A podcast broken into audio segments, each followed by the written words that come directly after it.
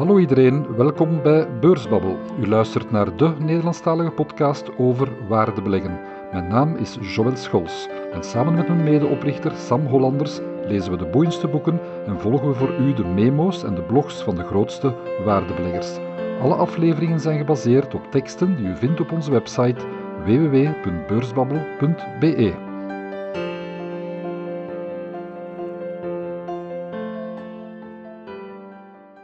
Hallo, hallo, welkom iedereen voor onze vijftigste podcast. Want ja, inderdaad, we zijn zover. Het is een beetje een jubileumeditie. Heb ik gekozen om een interessant boek te bespreken. Het gaat over het boek The Psychology of Money van Morgan Housel. Het was ook een tijdje geleden dat we nog eens een boek besproken hadden. En dit boek van 2020 stond al sinds zijn verschijning op mijn leeslijst. Nu is er eindelijk van gekomen. En het is een goed boek, een heel goed boek zelfs. De schrijver is, als gewezen columnist van de Wall Street Journal, zeer sterk in het eenvoudig en helder voorstellen van de essentie. En hij doet dat aan de hand van een twintig kleine hoofdstukjes met gemiddeld twaalftal pagina's per hoofdstuk. En die staan vol met kleurrijke korte verhalen en zijn aangevuld met praktische handvaten. Heel vlot leesbaar, met andere woorden. Ik heb de Nederlandse vertaling in één druk uitgelezen en wie geïnteresseerd is om te begrijpen welke evidente vergissingen slimme mensen maken bij financiële zaken, raad ik van harte aan om hetzelfde te doen.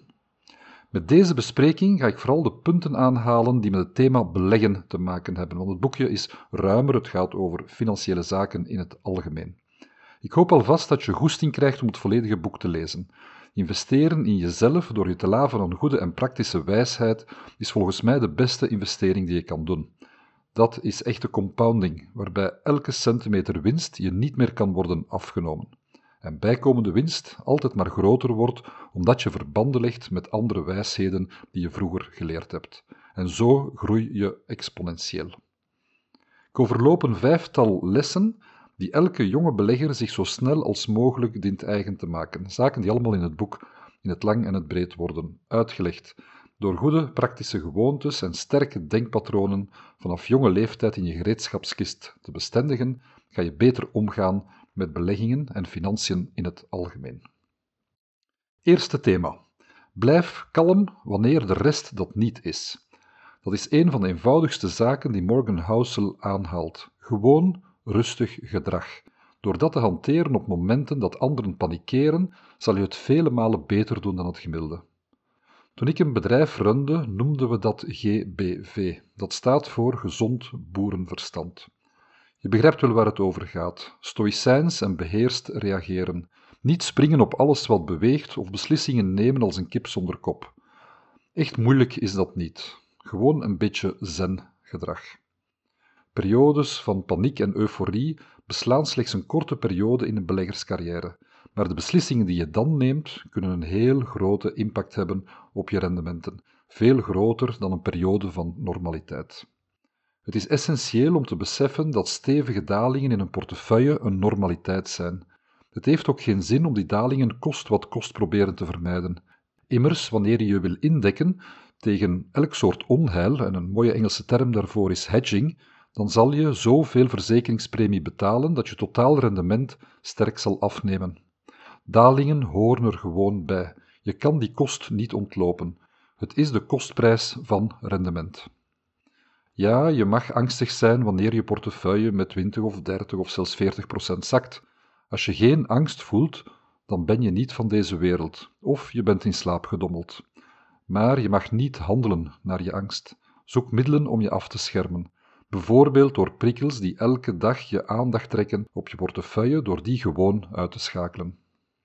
Wanneer je dan in paniek verkoopt, mis je misschien wel de volgende stijging die er ondertussen al zit aan te komen. Thema nummer 2. Schuw risico en overleef. Om gedurende een lange carrière succesvol met geld en beleggingen om te gaan, dien je vooral te overleven. Dat heeft allemaal te maken met risicovermijdend gedrag. Zorg dat je niet failliet gaat, want dan valt er gewoonweg niks meer te beleggen. In plaats van op zoek te gaan waarom topinvesteerders het zo excellent doen, kan je beter bestuderen wat ze niet doen. Het uitsluiten van dommigheden zou veel meer van je aandacht mogen krijgen dan het zoeken naar uitmuntendheid. In dat arsenaal van gewoontes vind je zaken zoals geen schulden maken, downside risico meer bestuderen dan upside potentieel, veiligheidsmarge hanteren, straks daarover nog veel meer, voldoende cash hebben om de korte termijn te overleven en dat soort zaken die je gewoon kan catalogeren als normaal gedrag. Ook weer GBV, maar dan altijd en overal, niet enkel in stressperiodes. Zoals sommigen weten, is een van mijn passies zeezeilen. Je kan veel boeken lezen over zeilen, over technieken die het maximale uit je schip halen, hoe je de zeilen trimt om dat tiende knoopje snelheid meer te behalen. Maar het allernuttigste boek dat ik ooit las was Total Los. Dat boek beschrijft veertig zeilongelukken waarbij het schip verging. Het beschrijft de fouten die je best niet zelf maakt. Met andere woorden, hoe je risico's kan vermijden, hoe je sneller kan gaan en dus risico verhoogt, dat doet er eigenlijk niet zo veel toe. Het verhaal van de haas en de schildpad, weet u wel. De Italianen hebben daar een prachtig spreekwoord voor. Ci va piano, va sano e va lontano. Wie langzaam gaat, gaat gezond en lang. En dat is voor beleggen zeker een waarheid. Thema nummer 3. Start jong en doe het lang. De reden waarom Warren Buffett zo'n geweldig vermogen bij elkaar harkte, was niet vanwege zijn geweldige rendementen. Die helpen natuurlijk, maar veel belangrijker is dat hij begon te beleggen op zijn tinde. En vandaag nog doorgaat tot in de 90. Met een 80-jarige carrière hoef je geen superrendement te halen. Je dient vooral vol te houden. Een eenvoudige berekening leert dat door te starten op zijn twintigste en te stoppen na 40 jaar op zijn zestigste, wat voor de meesten onder onze normale carrière is en voor FIRE-aanhangers een eeuwigheid, hij minder dan een duizendste zou bereikt hebben dan wat hij vandaag heeft en we vandaag wellicht ook niet zouden spreken over hem. Zijn vaardigheid is beleggen, maar zijn geheim is tijd. Investeren gaat dus niet over het op zoek gaan naar het hoogste rendement, maar wel naar een redelijk tot goed rendement gedurende een zo lang mogelijke periode. Wees geen sprinter, maar wel een marathonloper, om het in sporttermen uit te drukken. Housel drukt het plastisch uit door te zeggen dat je geen boeken over beleggingsstrategieën, over economische modellen of sectoren hoeft te lezen. Het enige boek dat hij aanbeveelt is Hou je mond en wacht af. En dat boek bevat maar één bladzijde, gewoon een grafiek over lange termijn economische groei. Laat de tijd zijn werk doen zoals de kleine veranderingen in de inclinatie van de aarde over periodes van duizenden jaren voor vijf ijstijden zorgden. IJstijden komen er niet door een plotse koude. Ze komen er door kleine temperatuurverschillen, die maken dat een beetje sneeuw blijft liggen. Sneeuw die zonnestralen weerkaatst en daardoor in de toekomst weer wat meer sneeuw oplevert. Zo krijg je een exponentieel natuurkundig fenomeen dat in de financiële wereld compounding wordt genoemd. Vandaag zien we die sneeuwlaag langzaam dag bij dag afsmelten, precies het omgekeerde proces. We hebben het moeilijk om het exponentiële te begrijpen. Als mens denken we lineair. Tien keer het getal 5 optellen is makkelijk, dat is 50. Maar tien keer het getal 5 vermenigvuldigen is een exponentiële functie. Dat lukt niet zo goed. Exponentiële processen leveren veel grotere uitkomsten op dan lineaire, en dat is moeilijk. Thema nummer 4. Genoeg, uitroepteken. Zorg dat je iets hebt wat hebzuchtige mensen niet hebben, namelijk genoeg. Door steeds meer te willen gaan hebzuchtige mensen kapitaal riskeren dat ze hebben en nodig hebben, om geld te verdienen dat ze niet hebben en niet nodig hebben. Beluister deze zin nog eens en steek ze in je gereedschapskist. Deze regelmatig bovenhalen zal je behoeden tegen overdreven risico nemen. Filosofisch kan je hier de vraag stellen of geld gelukkig maakt.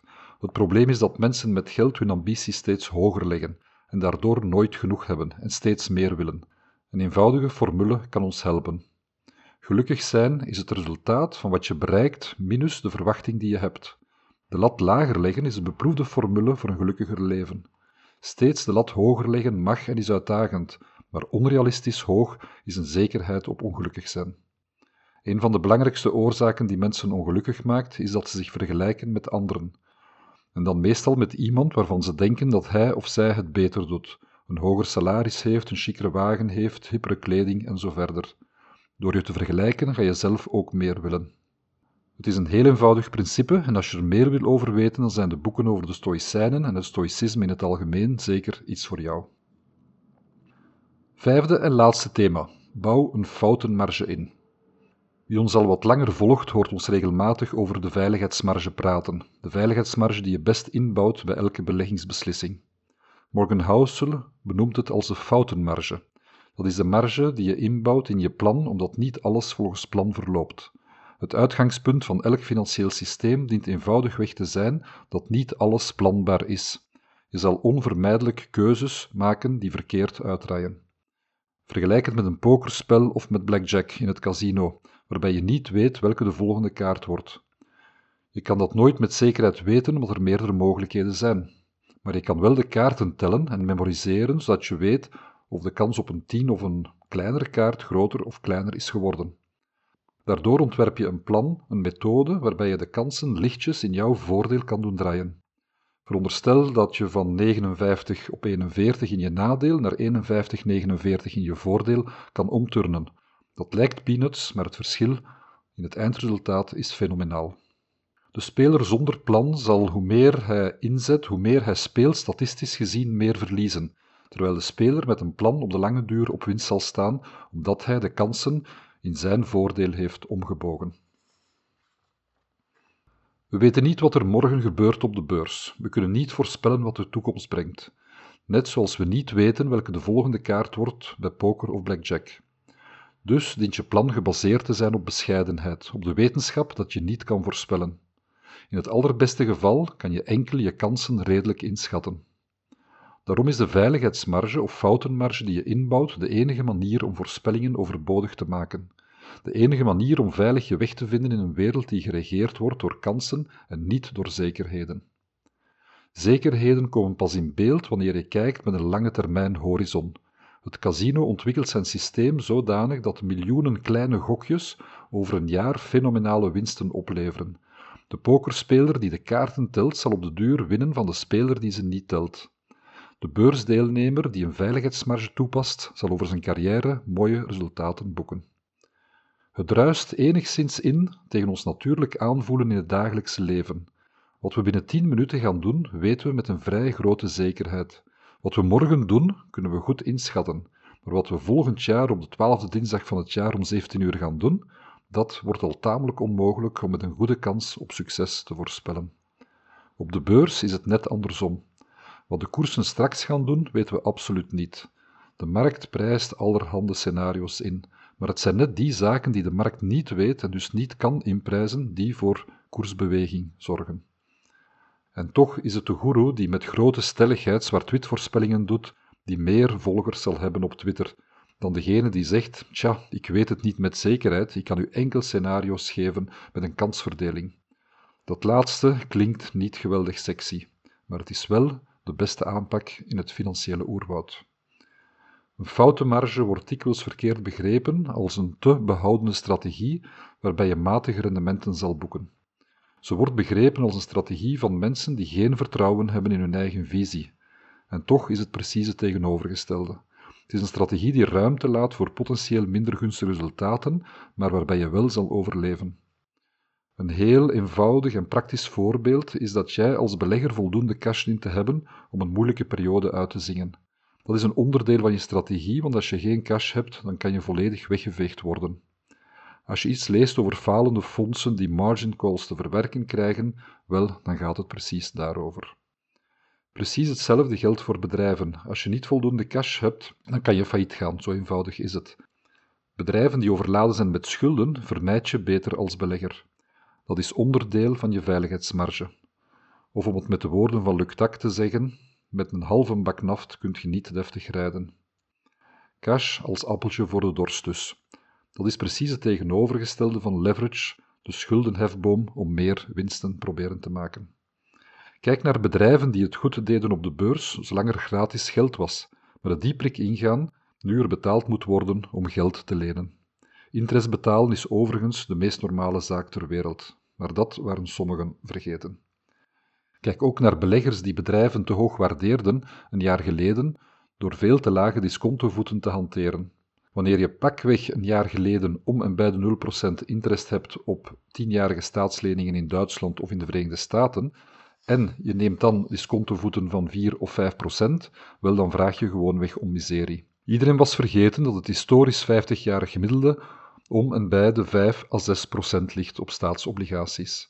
Je kan als belegger beter een discontovoet hanteren van minstens 10 procent, en dat in alle omstandigheden, ook bij lage rentes. De conclusie kan dan zijn dat je geen koopjes vindt. Wel, zo so be. Wacht dan tot de kaartendeler je een betere hand geeft. Of zoals Buffett het zegt, you don't have to swing every time the ball is thrown at you, waarbij hij refereert naar het baseballspel. Het ganse idee van de foute marge is niet om risico's ten allen tijde te vermijden, maar wel om risico's a. met mate te nemen, b. gespreid over meerdere beleggingen en c. enkele risico's te nemen waar de kansen in jouw voordeel zijn. Wie dat consequent toepast, zal zijn kansen op succes aanzienlijk verhogen. Zo, dat zijn de vijf belangrijkste thema's die ik eruit gehaald heb. Er zijn ook nog heel wat andere thema's die aan bod komen in het boek. Zaken die we in de vorige artikelen ook al bespraken, zoals de rol van pech en geluk, en vooral onze onderschatting van deze factoren, het feit dat jij als persoon ook, verhan, ook het feit dat jij als persoon ook verandert en dus je financieel plan zal ook veranderen, of een leuk stukje over redelijke versus rationeel koele strategieën die je mogelijk niet kan volhouden. Heel veel toffe, interessante thema's die je helpen wanneer je je eerste financiële stappen zet, maar evengoed voor de meer gevorderde belegger met meer jaren op de teller een heel mooie manier om alles nog eens op een rijtje te zetten. Zo, wij horen u binnenkort terug voor de 51ste podcast, maar dat kan eventueel na de jaarwissel zijn, dus mochten we elkaar niet meer horen, dan wens ik u alvast een prettig eindejaar. Tot later.